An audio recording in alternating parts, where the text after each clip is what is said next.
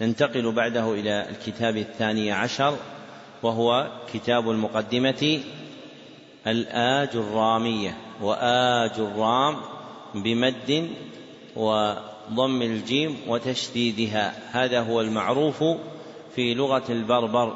وذكر أحد علمائهم وهو, عليم وهو علي بن سليمان الدمنتي أن من جاء به على غير هذا فقد غلط على لغتهم. والاسم الأعجمي متى عرف ضبطه وأمكن نطقه فإنه ينطق كما علم منه. متى عرف نطقه وأمكن الإتيان به فإنه يؤتى به كما هو عندهم. نعم. بسم الله الرحمن الرحيم. الحمد لله ذلك بعض الإخوان يقول من أين الآج الرام من أهلها. من أهلها. أما آج الروم هذه معربة. فإذا ونقول الأمر واسع لكن نحن أقرب إلى اسمه من آج الروم. نعم.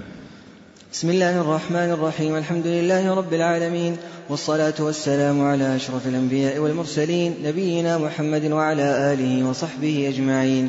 اللهم بارك لنا في شيخنا وانفعنا بعلمه وجزه عنا خير الجزاء.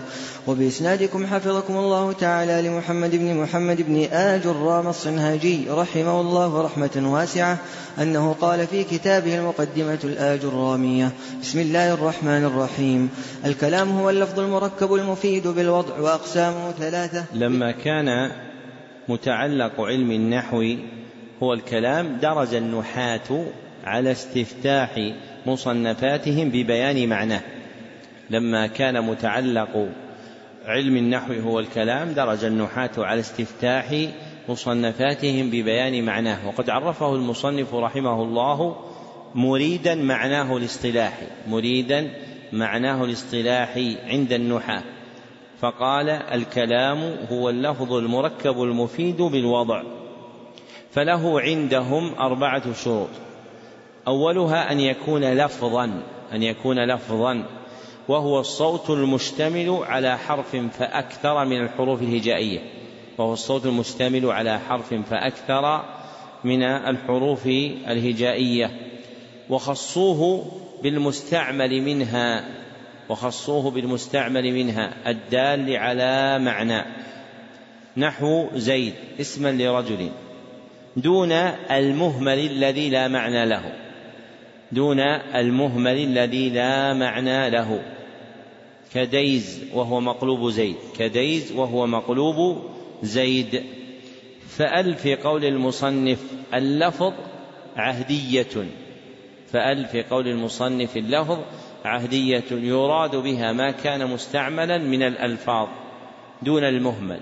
يراد بها ما كان مستعملا من الألفاظ دون المهمل. ويسمى اللفظ المستعمل قولا. ويسمى اللفظ المستعمل قولا. وثانيها أن يكون مركبا.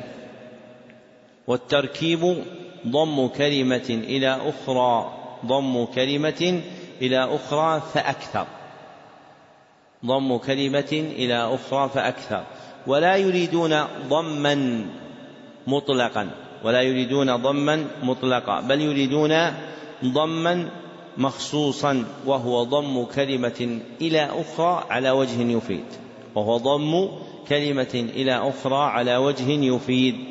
فأل في قول المصنف المركب عهدية. لأنهم يريدون بها المفيد من المركبات دون غيره. لأنهم يريدون بها المفيد من المركبات دون غيره. ويسمونه مسندا. ويسمونه مسندا. فضم كلمة إلى أخرى على وجه يفيد يسمى مسندا. وثالثها أن يكون مفيدا. وهو ما يتم به المعنى ويحسن السكوت عليه من المتكلم. ما يتم به المعنى ويحسن السكوت عليه من المتكلم. ورابعها أن يكون موضوعا أن يكون موضوعا باللغة العربية أي مجعولا لمعنى عند العرب. أي مجعولا لمعنى عند العرب. وهو المراد بقولهم بالوضع. كوضع كلمة أسد للدلالة على الحيوان المعروف. فمعنى الوضع عندهم جعل اللفظ دالا جعل اللفظ دالا على معنى معروف عند العرب. جعل اللفظ دالا على معنى معروف عند العرب. فالكلام عند النحاة هو على ما ذكره المصنف اللفظ المركب المفيد بالوضع. وأخص من هذا أن يقال هو القول المسند. وأخص من هذا أن يقال هو القول المسند. فالقول يتضمن اللفظ والوضع. فالقول يتضمن اللفظ والوضع. والمسند يتضمن التركيب والإفادة. والمسند يتضمن التركيب والإفادة. فالمعاني الأربعة التي نشرها ابن آج الرامة وغير وغيره ترجع إلى تلك الكلمتين القول المسند. وتسمى الكلمة الواحدة قولا مفردا. وتسمى الكلمة الواحدة قولا مفردا. والكلام يتألف من كلمات. والكلام يتألف من كلمات. فمثال الكلام قوله تعالى الله خالق كل شيء الله خالق كل شيء. لأنه قول إيش؟ مسند. لأنه قول مسند. ففيه اللفظ وفيه الوضع وفيه التركيب وفيه الإفادة فهو جامع للشروط الأربعة التي ترجع إلى الشرطين هما القول هما المجموعان في القول المسند.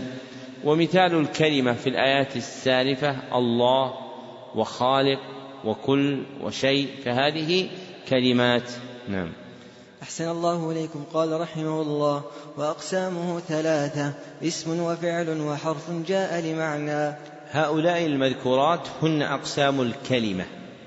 هؤلاء المذكورات هن أقسام الكلمة. أما أقسام الكلام فهي ثلاثة المفرد والجملة وشبه الجملة. المفرد والجملة وشبه الجملة.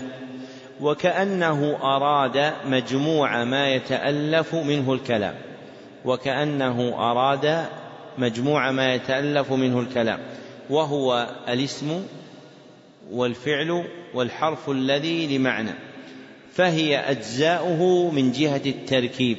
فهي أجزاؤه من جهة التركيب. وكل كلمة عربية ترجع إلى واحد من هذه الأقسام الثلاثة. فتقدير ما ذكره المصنف وأقسام أجزاء الكلام ثلاثة. فتقدير ما ذكره المصنف وأقسام أجزاء الكلام ثلاثة. فالأول الاسم وهو ما دل على معنى في نفسه ولم يقترن بزمن.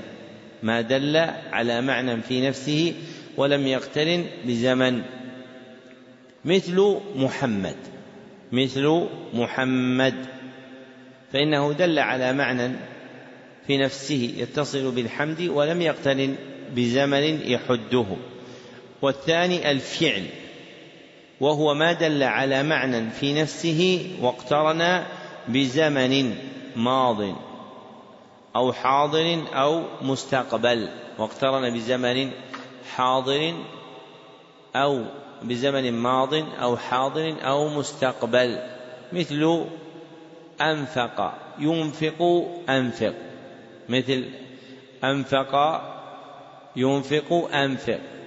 فأنفق تتعلق بزمن ماض وينفق تتعلق بزمن حاضر وأنفق تتعلق بزمن مستقبل. والثالث الحرف. وهو الموضوع لمعنى في غيره. وهو الموضوع في معنى لمعنى في غيره. نحو من وتسمى حروف المعاني. وتسمى حروف المعاني. تمييزا لها عن حروف المباني وهي الأحرف الهجائية. فالأحرف التي تتركب منها الكلمة تسمى حروف المباني. وأما تلك الحروف التي تكون لمعنى مثل من وعن وعلى وستأتي فإنها تسمى حروف المعاني. نعم. أحسن الله إليكم. قال رحمه الله فالاسم يعرف بالخفض والتنوين ودخول الألف واللام عليه وحروف الخفض وهي من وإلى وعن وعلى وفي ورب وحتى وحاشا ومذ ومنذ والباء والكاف واللام وحروف القسم وهي الواو والباء والتاء. والفعل يعرف. لما بين المصنف رحمه الله حقيقة الكلام وأقسامه شرع يذكر العلامات التي يتميز بها كل قسم من أقسام الكلمة عن غيره وابتدأ ببيان علامات الاسم ثم أتبعها بعلامات الفعل ثم ختم بعلامات الحرف. فذكر أولا علامات أربع تميز الاسم عن الفعل والحرف. هي أدلة اسمية الكلمة. هي أدلة اسمية الكلمة. فمتى وجد واحد منها كان دليل صدق على أن تلك الكلمة اسم؟ فأولها الخفض. وهذه عبارة الكوفيين. ويسميه البصريون الجر. ويسميه البصريون الجر. وهو الكسرة التي يحدثها العامل أو ما ناب عنها. وهو الكسرة التي يحدثها العامل أو ما ناب عنها. كقولك مررت بالمسجد. فالكسرة التي أحدثها العامل تسمى إيش؟ تسمى خفضا عند الكوفيين وتسمى جرا عند البصريين. وثانيها التنوين. وهو نون ساكنة تلحق آخر الاسم وهو نون ساكنة تلحق آخر الاسم في الوصل لفظا في الوصل لفظا وتفارقه خطا ووقفا وتفارقه خطا ووقفا. فإذا رسمت الكلمة لم يثبت فيها نون وإذا وقف عليها لم تثبت تلك النون. يدل عليها بتكرار الحركتين. يدل عليها بتكرار الحركتين. الضمتين أو الفتحتين أو الكسرتين. كقولك مررت بمحمد فترسم بكسرتين. للإعلام بأن هذه الكلمة آخرها إيش؟ تنوين. وثالثها دخول ال على الكلمة دخول ال على الكلمة كقولك الدرس كقولك الدرس. وأشار المصنف إلى هذه العلامة بقوله ودخول الألف واللام. والمتقرر عند أهل العربية أن الكلمة المكونة من حرفين فأكثر ينطق بمسماها لاسمها ينطق بمسماها لاسمها فيقال ال ولا يقال الألف واللام. مثل قولك بل ولا تقل الباء واللام. وحينئذ فلا يقال دخول الألف واللام ولكن يقال دخول دخول ال. والمستحسن في ذكر هذه العلامة أن يقال دخول أداة التعريف على الاسم. دخول أداة التعريف على الاسم. لأمرين. أحدهما اختلاف النحاة في الأداة التي أكسبت الاسم التعريف. أهي الألف أم اللام أم هما معا؟ والآخر لتندرج فيها أم الحميرية. لتندرج فيها أم الحميرية. وهي لغة في ال. وهي لغة في ال. فإذا قلت دخول أداة التعريف اندرجت أم. وإذا قلت دخول ال بقيت أم غير مندرجة.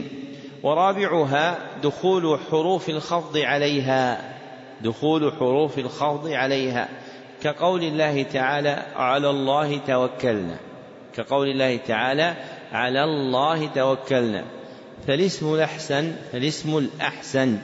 الله علم أنه اسم لدخول إيش؟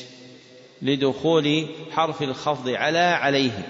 وهذه العلامة راجعة إلى العلامة الأولى وهي الخفض. لأن الخفض له موجبات ستأتي. هي الحرف والإضافة والتبعية للمضاف. فمن أفراد العوامل التي تحدث خفضا دخول حرف الخفض على كلمة. ومن حروف الخفض حروف القسم وهي الواو والباء والتاء. والمراد بالقسم اليمين والمراد بالقسم اليمين. وأفردها المصنف عن حروف الخفض لاختصاصها باليمين لاختصاصها باليمين. فذكرها من باب ذكر الخاص بعد العام. فذكرها من باب ذكر الخاص بعد العام. فمتى وجدت واحدة من هذه العلامات الأربع كانت دليلا على أن الكلمة التي وجدت معها تلك العلامة اسم وليست فعلا ولا حرفا. نعم. أحسن الله إليكم. قال رحمه الله والفعل يعرف بقد والسين وسوف وتاء التأنيث الساكنة.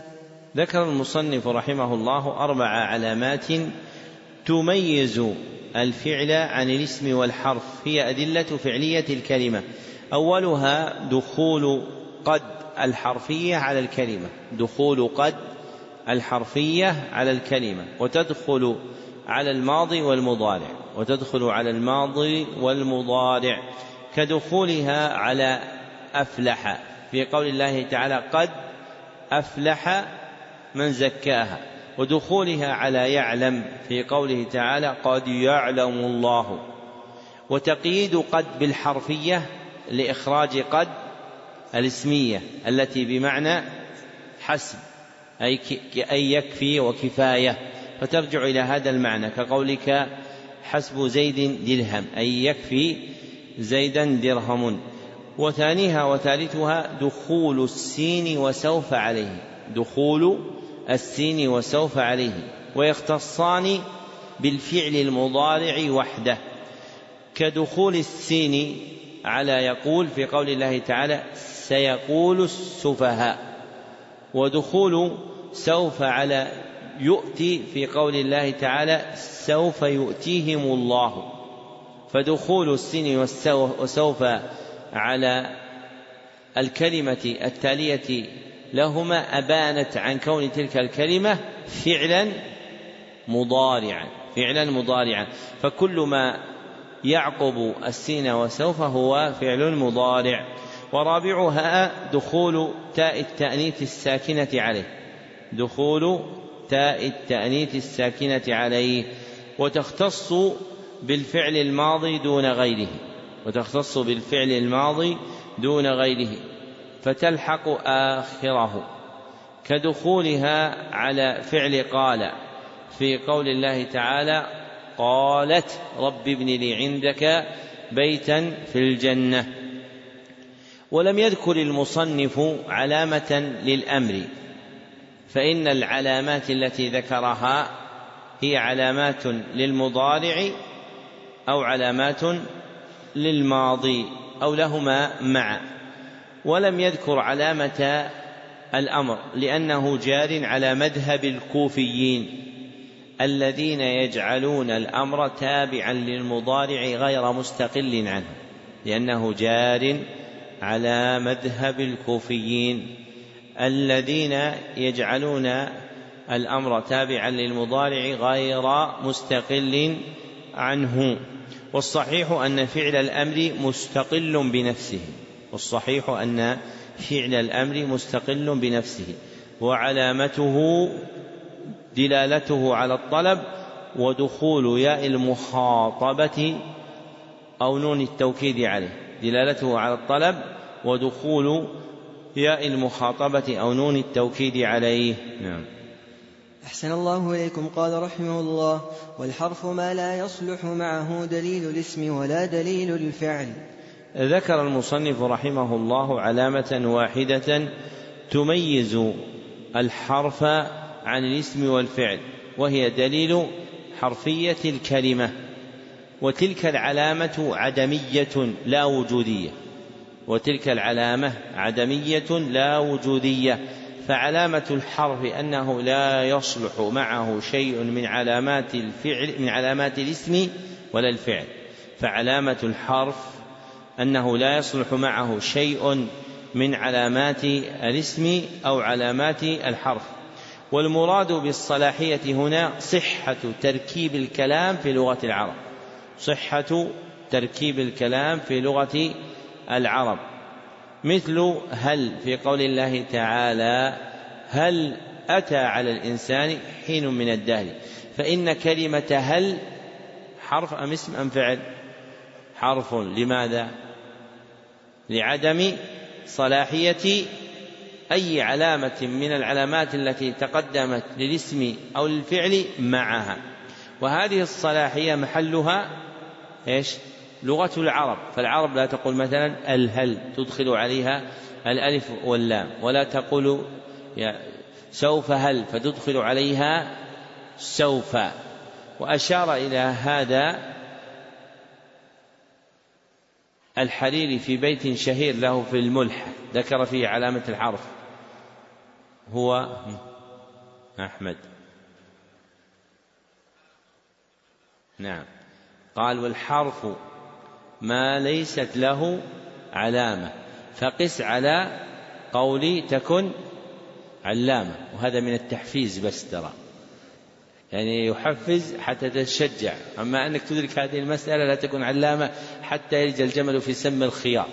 لكن العلماء رحمهم الله يريدون أن يحببوا الناس في العلم فيفعلون مثل هذا.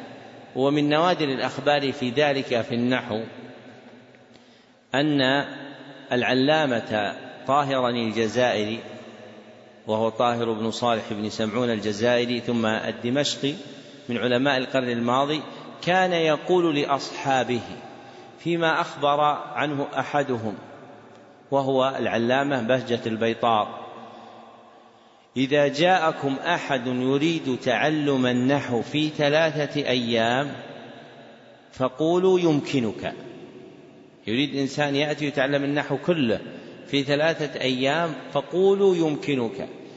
فإنه ربما تعلم فيها ما يحببه في النحو فأقبل عليه في بقية عمره. يعني يمكن تعلم ثلاثة أيام تحبب في هذا العلم ثم بعد ذلك يلزم حلقتك وينبغ في هذا العلم. وهذا شيء كثير. فإن من أحسن ما كان يستعمله العلماء مع الطلبة تحبيبهم في العلم. فيقوى في نفوسهم مورد تعظيم العلم ومحبته وينبغون وهم قبل لا شغل لهم بالعلم. ومن أخبار هذا أن شيخ شيوخنا عبد الله بن حميد رحمه الله تعالى كان يتيما بعد أبيه وهم أهل بيت قليل في الرياض. فرآه أحد العلماء وهو إمام المسجد في محلتهم وهو شيخ شيوخنا حمد بن فارس المتوفى سنة 45 300 وألف. فرآه قد نهز الحلم يعني صار يافعا. فسلم عليه وقال له أنت ابن من؟ فقال أنا ابن فلان. وعرفه الشيخ وكان قد توفي.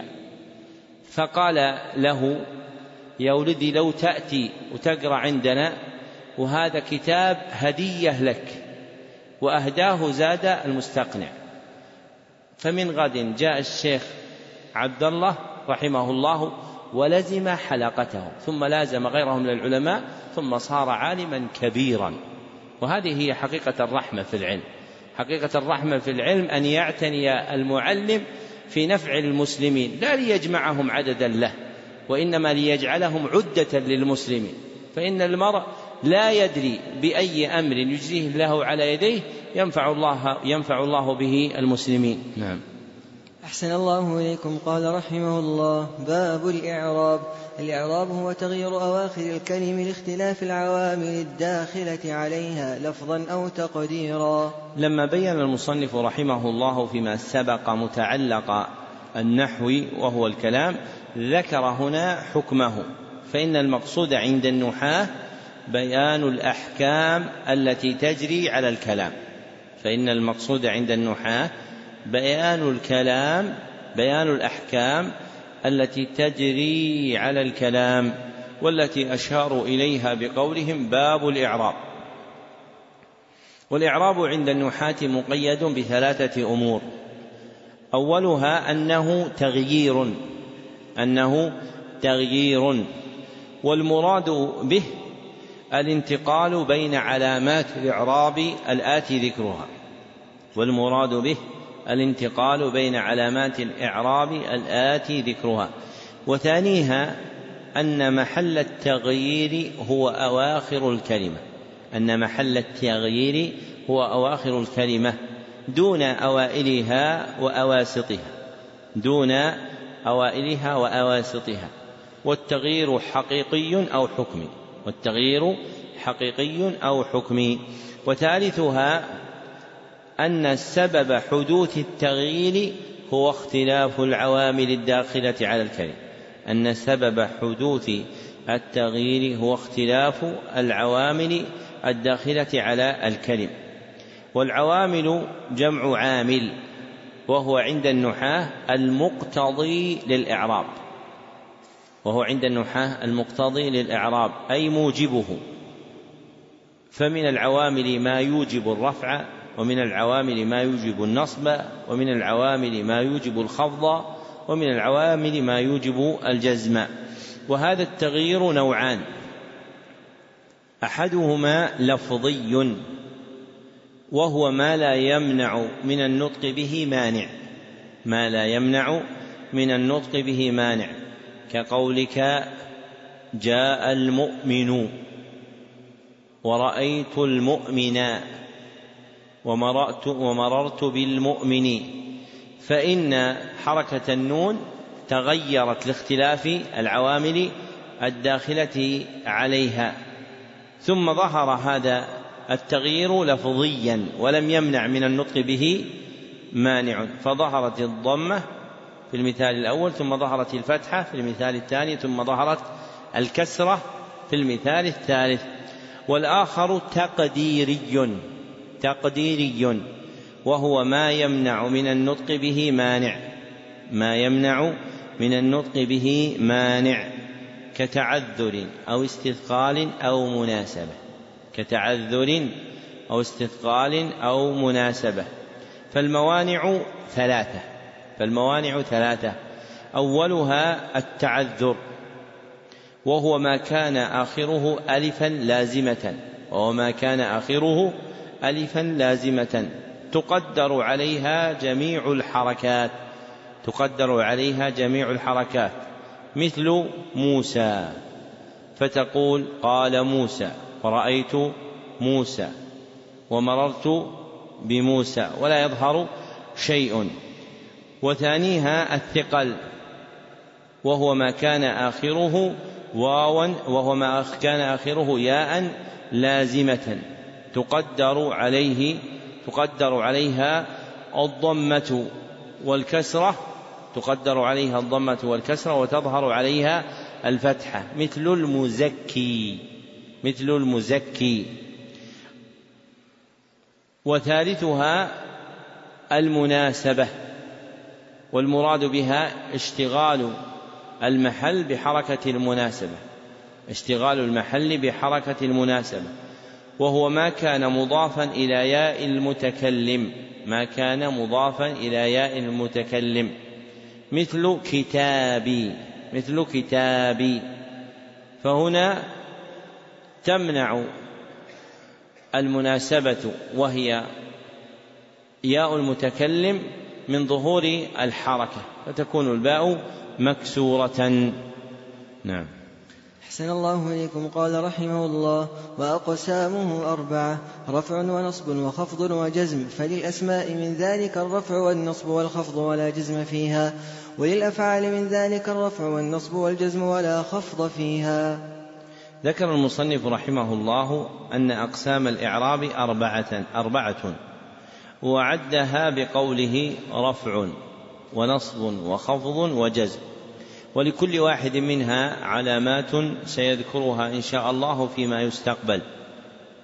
والرفع هو تغيير يلحق آخر الاسم تغيير يلحق آخر الاسم والفعل المضارع الذي لم يتصل باخره نون الإناث أو نون التوكيد لدخول عامل ما تغيير يلحق آخر الاسم والفعل المضارع الذي لم يتصل بآخره نون الإناث أو نون التوكيد لدخول عامل ما وعلامته الضمة أو ما ينوب عنها وعلامته الضمة أو ما ينوب عنها. والنصب هو تغيير يلحق آخر الاسم والفعل المضارع الذي لم يتصل بآخره والفعل المضارع الذي لم يتصل بآخره نون الإناث أو نون التوكيد لدخول عامل ما نون الإناث أو نون الت... لدخول نون الإناث أو الذي لم يتصل بآخره نون الإناث أو نون أو نون التوكيد لدخول عامل ما وعلامته الفتح أو ما ينوب عنها. والخفض هو تغيير يلحق آخر الاسم تغيير يلحق آخر الاسم لدخول عامل ما وعلامته الكسرة أو ما ينوب عنها. والجزم هو تغيير يلحق آخر الفعل المضارع. تغيير يلحق آخر الفعل المضارع. الذي لم يتصل بنون الإناث. الذي لم يتصل بنون الإناث أو نون التوكيد لدخول عامل ما. وعلامته السكون أو ما ينوب عنها. وهذه الأقسام على ثلاثة أنواع. وهذه الأقسام على ثلاثة أنواع. الأول ما هو مشترك بين الأسماء والأفعال. ما هو مشترك بين الأسماء والأفعال. وهو الرفع والنصب. وهو الرفع والنصب. والثاني ما هو مختص بالأسماء وهو الخفض. ما هو مختص بالأسماء وهو الخفض. فلا تعلق له بالأفعال أبدا. فلا تعلق له بالأفعال أبدا. ولا يمكن أن يأتي فعل مخفوض. والثالث ما هو مختص بالأفعال. ما هو مختص بالأفعال وهو الجزم فلا تعلق له بالأسماء. ولا يمكن ولا يمكن أن يأتي اسم مجزوم ولا يمكن أن يأتي اسم مجزوم. وليس من هذه الأقسام وليس من هذه الأقسام شيء للحروف لأنها جميعا مبنية. وليس من هذه الأقسام شيء للحروف. لأنها جميعا مبنية والمبني هو ما لا يتغير آخره ما لا يتغير آخره مع تغير دخول عامل عليه مع تغير دخول عامل عليه فيلزم حركة مضطردة فيلزم حركة مضطردة أي مستمرة. نعم. أحسن الله إليكم. قال رحمه الله باب معرفة علامات الإعراب. للرفع أربع علامات الضمة والواو والألف والنون. فأما الضمة فتكون علامة للرفع في أربعة مواضع. في الاسم المفرد مطلقا وجمع التكسير مطلقا وجمع المؤنث السالم والفعل المضارع الذي لم يتصل بآخره شيء. وأما الواو فتكون علامة للرفع في موضعين في جمع المذكر السالم وفي الأسماء الخمسة وهي أبوك وأخوك وحموك وفوك وذو مال. وأما الألف فتكون علامة للرفع في تثنية الأسماء خاصة وأما النون فتكون علامة للرفع في الفعل المضارع إذا اتصل به ضمير تثنية أو ضمير جمع أو ضمير المؤنثة المخاطبة. لما بين المصنف رحمه الله حقيقة الإعراب وأنواعه وقسمة تلك الأنواع أتبعها بباب في معرفة علامات الإعراب. ذكر فيه أن لكل قسم من أقسام الإعراب التي تقدمت علامات يتميز بها عن غيره وابتدأ بذكر علامات الرفع فذكر أن للرفع أربع علامات هي الضمة والواو والألف والنون. والأصل في علامات الرفع الضمة هي الضمة والواو والألف والنون والأصل في علامات الرفع الضمة فهي أم الباب. وما عداها نائب عنها وما عداها نائب عنها. فالرفع له أربع علامات فالرفع له أربع علامات. واحدة أصلية هي الضمة وثلاث فرعية هي الواو والألف والنون. ما معنى أم الباب عند النحاة؟ يعني ما يرجع إليه أصلا في هذا الباب. فمثلا يقولون يا في باب النداء يقولون يا أم الباب. يعني هي أصل صدور النداء أن المنادي ينادي بقوله يا. وفيه نكتة لطيفة للذين لا يحبون النحو أن كثرة الأمهات في علم النحو لتعلموا أن الأمهات يرحمن فتطمع في علم النحو. فالعلامة الأولى وهي الضمة تكون علامة للرفع في أربعة مواضع. فالعلامة الأولى وهي الضمة تكون علامة للرفع في أربعة مواضع.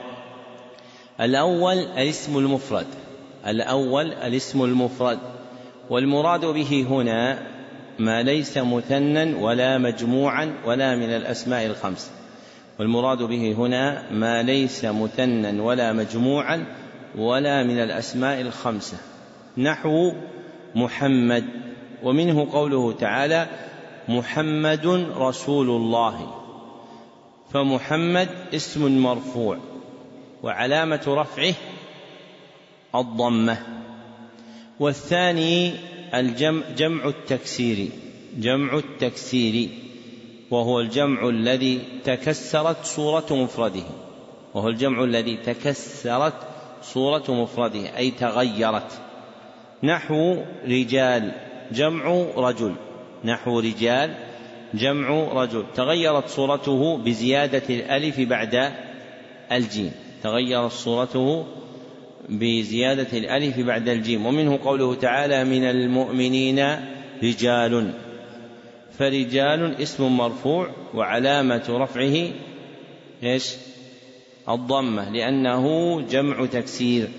والثالث جمع المؤنث السالم جمع المؤنث السالم وهو جمع الإناث الذي ختم مفرده بألف وتاء مزيدتين. وهو جمع الإناث الذي ختم مفرده بألف وتاء مزيدتين. وأضيف إلى التأنيث لأن مفرده مؤنث. وأضيف إلى التأنيث لأن مفرده مؤنث. وأضيف إلى السلامة لأن المفرد فيه سلم من التغيير. لأن المفرد فيه سلم من التغيير. مثاله المؤمنات. في قوله تعالى إذا جاءكم المؤمنات. فالمؤمنات جمع جمع مؤنث سالم مرفوع وعلامة رفعه الضمة. والأولى أن يقال في هذا الموضع الثالث الجمع الذي ختم بألف وتاء مزيدتين وما ألحق به. الجمع الذي ختم بألف وتاء مزيدتين وما ألحق به. فالهندات فالهندات ختمت بألف وتاء وهي جمع مؤنث سالم. والحمامات ختمت بألف وتاء وهي جمع مذكر أم مؤنث؟ جمع مذكر جمع لمذكر وليس الحمام بمؤنث. ومع ذلك جاءت صورته آخرها الألف والتاء.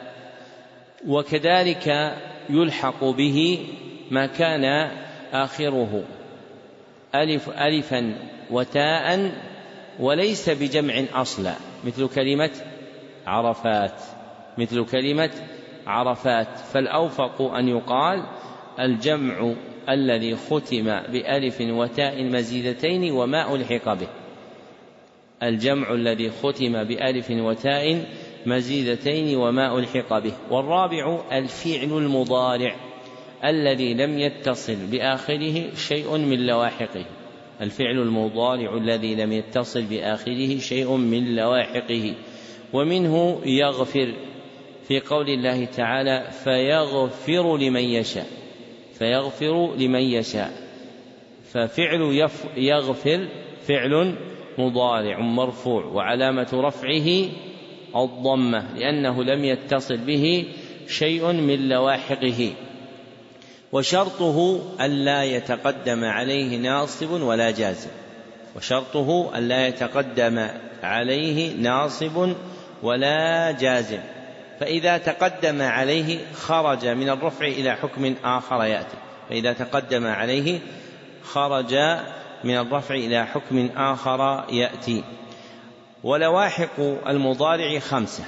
ولواحق المضارع خمسة. نون الإناث ونون التوكيد الخفيفة والثقيلة. نون الإناث ونون التوكيد الخفيفة والثقيلة. وألف الاثنين. وألف الاثنين. وواو الجماعة. وياء المخاطبة. وياء المخاطبة. والعلامة الثانية هي الواو. والعلامة الثانية من علامات الرفع هي الواو وتكون علامة للرفع في موضعين. الأول جمع المذكر السالم. جمع المذكر السالم وهو الجمع الذي ختم مفرده بواو ونون. وهو الجمع الذي ختم مفرده بواو ونون. أو ياء ونون. وما ألحق به. وأضيف إلى التذكير لأنه مذكر وإلى السلامة لأن مفرده سلم من التغيير. نحو المؤمنون جمع مؤمن في قوله تعالى ولما رأى المؤمنون فالمؤمنون هنا اسم مرفوع وعلامة رفعه الواو. اسم مرفوع وعلامة رفعه الواو لأنه جمع مذكر سالم. والثاني الأسماء الخمسة.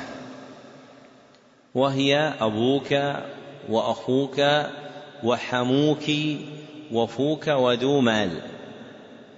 والحم اسم لقرابة المرأة من جهة زوجها.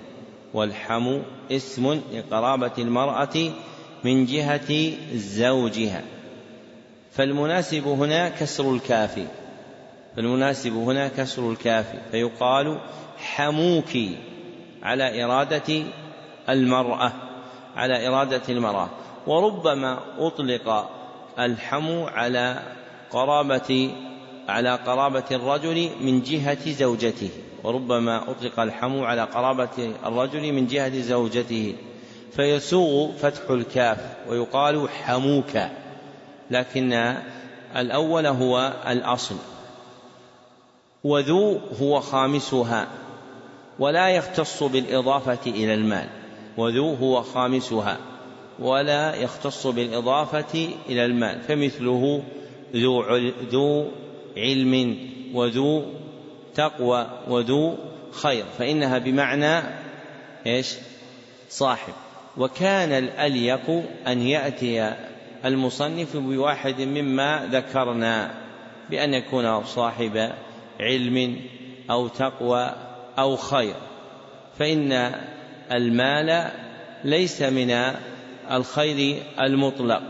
والمناسب في مقام التعليم فيما يجرى من الأمثلة أن يجري الكلام بما ينفع. لا مجرد جمع الكلام. وأنفع شيء القرآن الكريم. وما كان من المعاني الصحيحة. فيقبح أن يكون التمثيل في العلوم الآلية. كالنحو والبلاغة أو الأصول أو غيرها بأشياء لا تمس إلى ما ينفع الناس. فالأنفع أن تكون فيما يتعلق بأمور الناس في في دينهم. فيصلح الناس بهذا ويذكرون بما ويذكروا بما ينفعهم. فإن هذا خير لهم من ضرب زيد عمرا. فهذا المثال طفحت به كتب النحو. حتى أفردت رسائل في هذه الكلمة. ضرب زيد عمرا. ولم يزالوا على هذه الحال من عهد السلف إلى يومنا هذا. ولذلك القاسم بن مخيمرة لما أراد تعلم النحو وجلس إلى معلم النحو قال قل ضرب زيد عمرا. فقال لم ضربه؟ فقال هكذا المثال. فقال هكذا المثال. فقال شيء أوله كذب وآخره شغل لا أريده أوله كذب وآخره شغل لأن الإنسان إذا توسع في النحو يوسوس. ولذلك ذكر ابن القيم والشاطبي أن النحو يؤخذ منه ما يقام به الكلام ويطلع به على الأحكام دون الفروع بعيدة القعر منه التي لا يأتي على الناس ذكر ما ينفعهم فيها إلا في المدة المديدة بعد السنين المتطاولة. وهذا الذي ذكره القاسم ليس عذرا للكسل عن النحو وإنما أريد به التنبيه إلى أن يناط علم النحو وغيره من العلوم الآلية بما ينفع الناس وهذه الأسماء الخمسة ترفع بالواو نحو أبونا ومنه قوله تعالى وأبونا شيخ كبير فأبونا فأبو اسم مرفوع وعلامة رفعه الواو لأنه من الأسماء الخمسة. والعلامة الثالثة من علامات الرفع هي الألف. وتكون علامة للرفع في موضع واحد وهو تثنية الأسماء خاصة وهو تثنية الأسماء خاصة. والمثنى هو الاسم الدال على اثنين هو الاسم الدال على اثنين. الذي لحق آخر مفرده ألف ونون أو ياء ونون. الذي لحق آخر مفرده ألف ونون أو ياء ونون. نحو رجلان. مثنى رجل. ومنه قوله تعالى قال رجلان. ومنه قوله تعالى قال رجلان. فرجلان اسم مرفوع وعلامة رفعه الألف لأنه مثنى. والعلامة الرابعة وهي النون تكون علامة للرفع في موضع واحد وهو الفعل المضارع إذا اتصل به ضمير تثنية وهو الألف. الفعل المضارع إذا اتصل به ضمير تثنية وهو الألف. نحو يفعلان وتفعلان. أو ضمير جمع وهو الواو. أو ضمير جمع وهو الواو. نحو يفعلون وتفعلون. أو ضمير المخاطبة المؤنثة وهو الياء. نحو تفعلين أو ضمير المؤنثة المخاطبة وهو الياء نحو تفعلين. فهو فعل مضارع اتصل به ألف الاثنين أو واو الجماعة أو ياء المخاطبة وسياقه في خمسة أفعال تفعلان ويفعلان وتفعلون ويفعلون وتفعلين وتسمى هذه الأفعال بالبناء المذكور الأفعال الخمسة ولا يراد بها عين هذه الأفعال بل المراد وزنها بل المراد وزنها. فمثلا تعلمون على زنة تفعلون تعلمون على زنة تفعلون. ومن أهل العربية من جعلها ستة. ومن أهل العربية من جعلها ستة لأن تفعلان يجيء للمذكر والمؤنث على حد سواء. وسماها ابن هشام والأزهري وغيرهما من المحققين بالأمثلة الستة. بالأمثلة الستة. لماذا سموها بالأمثلة ولم يسموها بالأفعال؟ إيش؟ الأخ اللي خلف لأنها يقاس عليها لأنه يقاس عليها. فهي مثال يحتذى حذوه ويبنى عليه. نعم. أحسن الله إليكم. قال رحمه الله. ومنه قوله تعالى والله خبير بما تعملون فتعملون فعل إيش؟ هذه العلامة الرابعة نسيناها وهي علامة الرفع الرابعة كم ذكرنا نحن؟ الواو والألف إيش؟ الضمة والواو والألف وبقي النون وهي علامة الرفع في الفعل الذي اتصلت به ألف الاثنين أو واو الجماعة مثل إيش؟ تعلمون والله خبير بما تعلمون فهو فعل مضارع مرفوع بثبوت النون وهي هذه الأمثلة الخمسة. نحن ذكرنا الأمثلة الستة فهي ترفع بذلك. نعم. أحسن الله إليكم. قال رحمه الله وللنصب خمس علامات الفتحة والألف والكسرة والياء وحذف النون. فأما الفتحة فتكون علامة للنصب في ثلاثة مواضع في الاسم المفرد وجمع التكسير والفعل المضارع إذا دخل عليه ناصب ولم يتصل بآخره شيء. وأما الألف فتكون علامة للنصب في الأسماء الخمسة نحو رأيت أباك وأخاك وما أشبه ذلك. وأما الكسرة فتكون علامة للنصب في جمع المؤنث السالم وأما الياء فتكون علامة للنصب في التثنية والجمع. وأما حذف النون فيكون علامة للنصب في الأفعال التي رفعها بثبات النون. لما فرغ المصنف رحمه الله من علامات القسم الأول وهو الرفع أتبعه بعلامات القسم الثاني وهو النصب فذكر أن للنصب خمس علامات. الفتحة والألف والكسرة والياء وحذف النون. والأصل في علامات النصب هي الفتحة فهي أم الباب وهي علامته الأصلية. وبقية العلامات نائبة عنها. فالنصب له علامة أصلية واحدة هي الفتحة. وينوب عنها أربع علامات هي المذكورة بعدها الكسرة والياء وحذف الألف والكسرة والياء وحذف النون. فالعلامة الأولى وهي الفتحة تكون علامة للنصب في ثلاثة مواضع. الأول الاسم المفرد الاسم المفرد وتقدم معناه. نحو أجل في قول الله تعالى حتى يبلغ الكتاب أجله. فأجل اسم منصوب وعلامة نصبه الفتحة. والثاني جمع التكسير وتقدم معناه نحو القواعد من قوله تعالى وإذ يرفع إبراهيم القواعد من البيت. فالقواعد اسم منصوب علامة نصبه الفتحة لأنه جمع تكسير. والثالث الفعل المضارع إذا دخل عليه ناصب ولم يتصل بآخره شيء من لواحقه الخمسة التي تقدمت. والمراد بالناصب عوامل النصب والمراد بالناصب عوامل النصب وسيأتي ذكرها في كلام المصنف.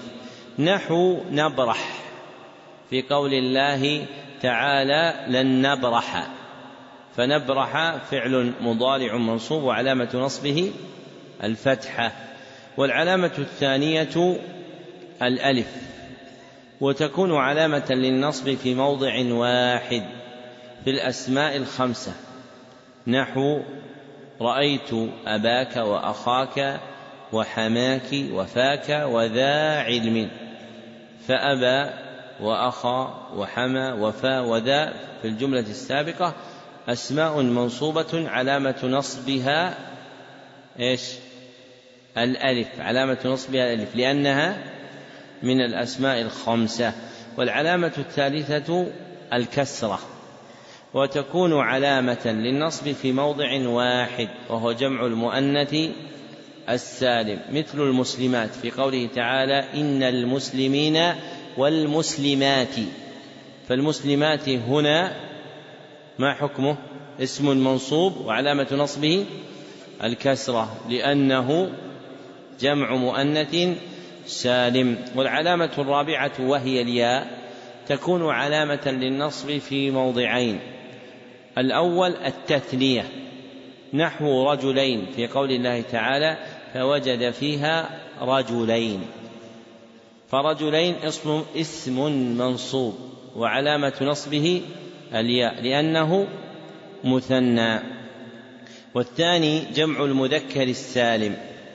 والثاني جمع المذكر السالم. فأل في قول المصنف الجمع عهدية يراد بها جمع المذكر السالم دون غيره مثل المحسنين. في قول الله تعالى والله يحب المحسنين فالمحسنين اسم منصوب وعلامة نصبه إيش؟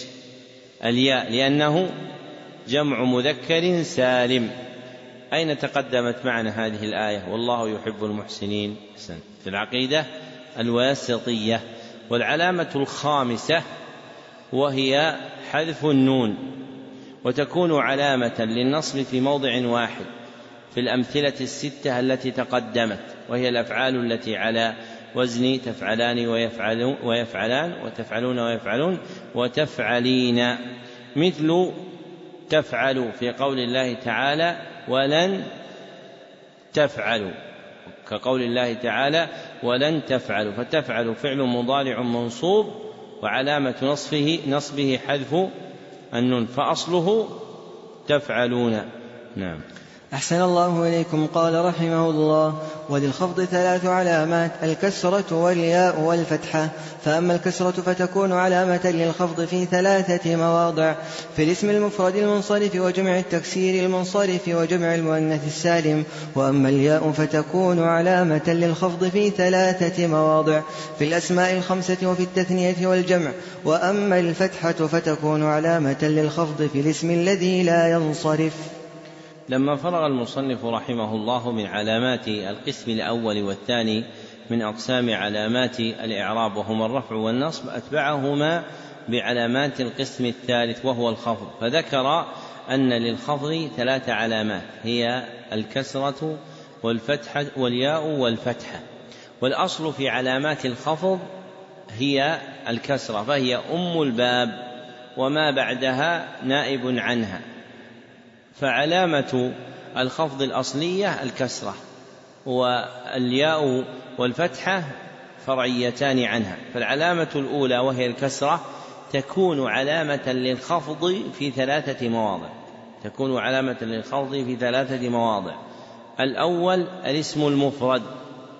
الاسم المفرد المنصرف. الاسم المفرد المنصرف. والمنصرف هو المنون. أي الذي يقبل التنوين. نحو قرية في قوله تعالى أو كالذي مر على قرية. فقرية اسم مخفوض وعلامة خفضه الكسرة لأنه اسم مفرد إيش؟ منصرف وعلامة كونه منصرفا اقتران التنوين به. والثاني جمع التكسير المنصرف جمع التكسير المنصرف. نحو رجال في قوله تعالى يعوذون برجال من الجن. فرجال اسم مخفوض وعلامة خفضه الكسرة وهو منصرف للحوق التنوين به. والثالث جمع المؤنث السالم والثالث جمع المؤنث السالم في قوله تعالى والعاديات ضبحا فالعاديات اسم مخفوض وعلامة خفضه الكسرة وعلامة خفضه الكسرة. والعلامة الثانية وهي الياء تكون علامة للخفض في ثلاثة مواضع. الأول الأسماء الخمسة التي تقدمت فتقول مررت بأبيك وأخيك وذي علم وأخذت فألك من فيك وتقول للمرأة تستري من حميك. فأبي وأخي وذي وفي وحمي في هذه الأمثلة كلها أسماء مخفوضة وعلامة خفضها الياء لأنها من الأسماء الخمسة. والثاني التثنية. مثل غلامين في قوله تعالى فكان لغلامين. فغلامين اسم مخفوض وعلامة خفضه إيش؟ الياء لأنه مثنى والثالث جمع المذكر السالم جمع المذكر السالم مثل المؤمنين في قول الله تعالى بالمؤمنين رؤوف رحيم. فالمؤمنين هنا اسم مخفوض وعلامة خفضه الياء لأنه جمع مذكر سالم. والعلامة الثالثة وهي الفتحة تكون علامة للخفض في الاسم الذي لا ينصرف. وهو الذي لا يدخله التنوين وهو الذي لا يدخله التنوين. فالأصل في الأسماء أنها تكون منصرفة لكن يعرض لها ما يعرف بأسباب الصرف وبموانع الصرف التي توجب أن تكون الكلمة ممنوعة من الصرف. مثل أحمد في قولك تمسك بسنة أحمد. صلى الله عليه وسلم. تمسك بسنة أحمد صلى الله عليه وسلم. فأحمد هنا اسم مخفوض وعلامة خفضه الفتحة لأنه ممنوع من الصرف وموانع الصرف تبحث في المطولات. نعم. أحسن الله إليكم. قال رحمه الله وللجزم علامتان السكون والحذف. فأما السكون فيكون علامة للجزم في الفعل المضارع الصحيح الآخر وأما الحذف فيكون علامة للجزم في الفعل المضارع المعتل الآخر وفي الأفعال التي رفعها بثبات النون. لما فرغ المصنف رحمه الله من علامات القسم الأول والثاني والثالث من أقسام الإعراب وهي الرفع والنصب والخفض ذكر علامات القسم الرابع وهو الجزم فذكر أن للجزم علامتين. هما السكون والحذف. والأصل في علامات الجزم هو السكون فهو أم الباب والحذف نائب عنه. فالعلامة الأولى وهي السكون تكون علامة للجزم في موضع واحد وهو الفعل المضارع الصحيح الآخر. إذا دخل عليه جازم الفعل المضارع الصحيح الآخر. إذا دخل عليه جازم. والفعل المضارع الصحيح الآخر هو ما ليس آخره حرفا من حروف العلة. ما ليس آخره حرفا من حروف العلة وهي الألف والواو والياء. والمراد بالجازم عامل الجزم. والمراد بالجازم عامل الجزم وهي أدواته وستأتي في كلام المصنف فيما يستقبل. نحو يلد ويولد في قول الله تعالى لم يلد ولم يولد فالفعلان يلد ويولد مجزومان وعلامة جزمهما السكون لأنهما فعلان مضارعان صحيح الآخر. والعلامة الثانية وهي الحذف تكون علامة للجزم في موضعين الأول الفعل المضارع المعتل الآخر الفعل المضارع المعتل الآخر. ومعتل الآخر هو ما كان آخره ألفا أو واوا أو ياء فيجزم بحذف حرف العلة وتبقى حركة الحرف السابق لحرف العلة ومنه يتقي في قوله تعالى ومن يصبر ويتقي ففعل يتقي فعل مضارع مجزوم وعلامة جزمه حذف حرف العلة الذي هو الياء فأصل الفعل يتقي آخره ياء. والثاني الأمثلة الستة المتقدمة الأمثلة الستة المتقدمة. ومنه قوله تعالى فإن لم تفعلوا فتفعلوا فعل مضارع مجزوم وعلامة جزمه حذف النون لأنه من الأمثلة الستة كما تقدمت. نعم. أحسن الله إليكم. قال رحمه الله فصل المعربات قسمان. قسم يعرب بالحركات وقسم يعرب بالحروف. فالذي يعرب بالحركات أربعة أنواع الاسم المفرد وجمع التكسير وجمع المؤنث السالم والفعل المضارع الذي لم يتصل بآخره شيء. وكلها ترفع بالضمة وتنصب بالفتحة وتخفض بالكسرة وتجزم بالسكون. وخرج عن ذلك ثلاثة أشياء. جمع المؤنث السالم ينصب بالكسرة والاسم الذي لا ينصرف يخفض بالفتحة والفعل المضارع المعتل الآخر يجزم بحذف آخره. والذي يعرب بالحروف أربعة أنواع التثنية وجمع المذكر السالم والأسماء الخمسة والأفعال الخمسة وهي يفعلان وتفعلان ويفعلون وتفعلون وتفعلين. فأما التثنية فترفع بالألف وتنصب وتخفض بالياء وأما جمع المذكر السالم فيرفع بالواو وينصب ويخفض بالياء وأما الأسماء الخمسة فترفع بالواو وتنصب بالألف وتخفض بالياء وأما الأفعال الخمسة فترفع بالنون وتنصب وتجزم بحذفها. ذكر المصنف رحمه الله في هذا الفصل ما مر في بابي الإعراب وعلاماته على وجه الإجمال تسهيلا على الطالب وتقوية لأخذه. وبين أن المعربات قسمان. أحدهما يعرب بالحركات.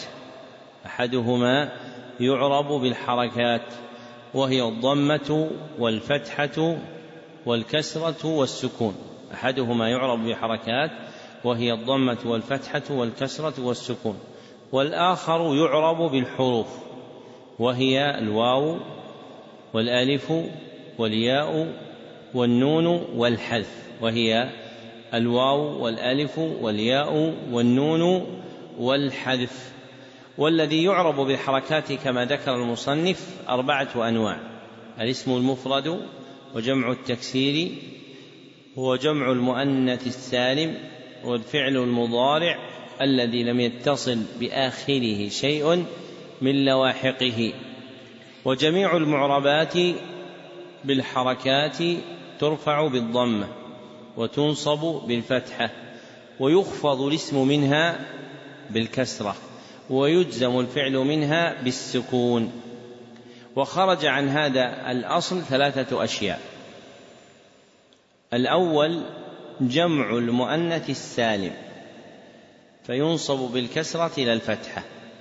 الأول جمع المذكر السالم جمع المؤنث السالم فينصب بالكسرة إلى الفتحة. وتقدم أن اللفظ الأعم أنه الجمع المختوم بألف وتاء مزيدتين وما ألحق به. والثاني الاسم الذي لا ينصرف أي لا ينون فيخفض بالفتحة لا بالكسرة. والثالث الفعل المضارع المعتل الآخر وهو ما كان آخره ألفا أو واوا أو ياء فيجزم بحذف آخره لا السكون. والذي يعرب بالحروف أربعة أنواع التثنية وجمع المذكر السالم والأسماء الخمسة والأمثلة الستة. التثنية وجمع المذكر السالم والأسماء الخمسة والأفعال الستة. فأما التثنية فترفع بالألف وتنصب وتخفض بالياء. وأما جمع المذكر السالم فيرفع بالواو. وينصب ويخفض بالياء. وأما الأسماء الخمسة فترفع بالواو وتنصب بالألف وتخفض بالياء. وأما الأمثلة الستة فترفع بالنون وتنصب وتجزم بإيش؟ بحذفها. وإلى باب الأفعال انتهى المقال. نقف على باب الأفعال. غدا بإذن الله تعالى عندنا حصتان للنحو. النحو يحتاج تكثيف.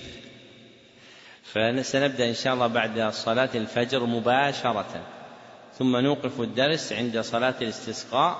ثم إذا صلينا الاستسقاء رجعنا إلى استكمال الدرس بإذن الله تعالى. الحمد لله رب العالمين وصلى الله وسلم على عبده ورسوله محمد وآله وصحبه أجمعين.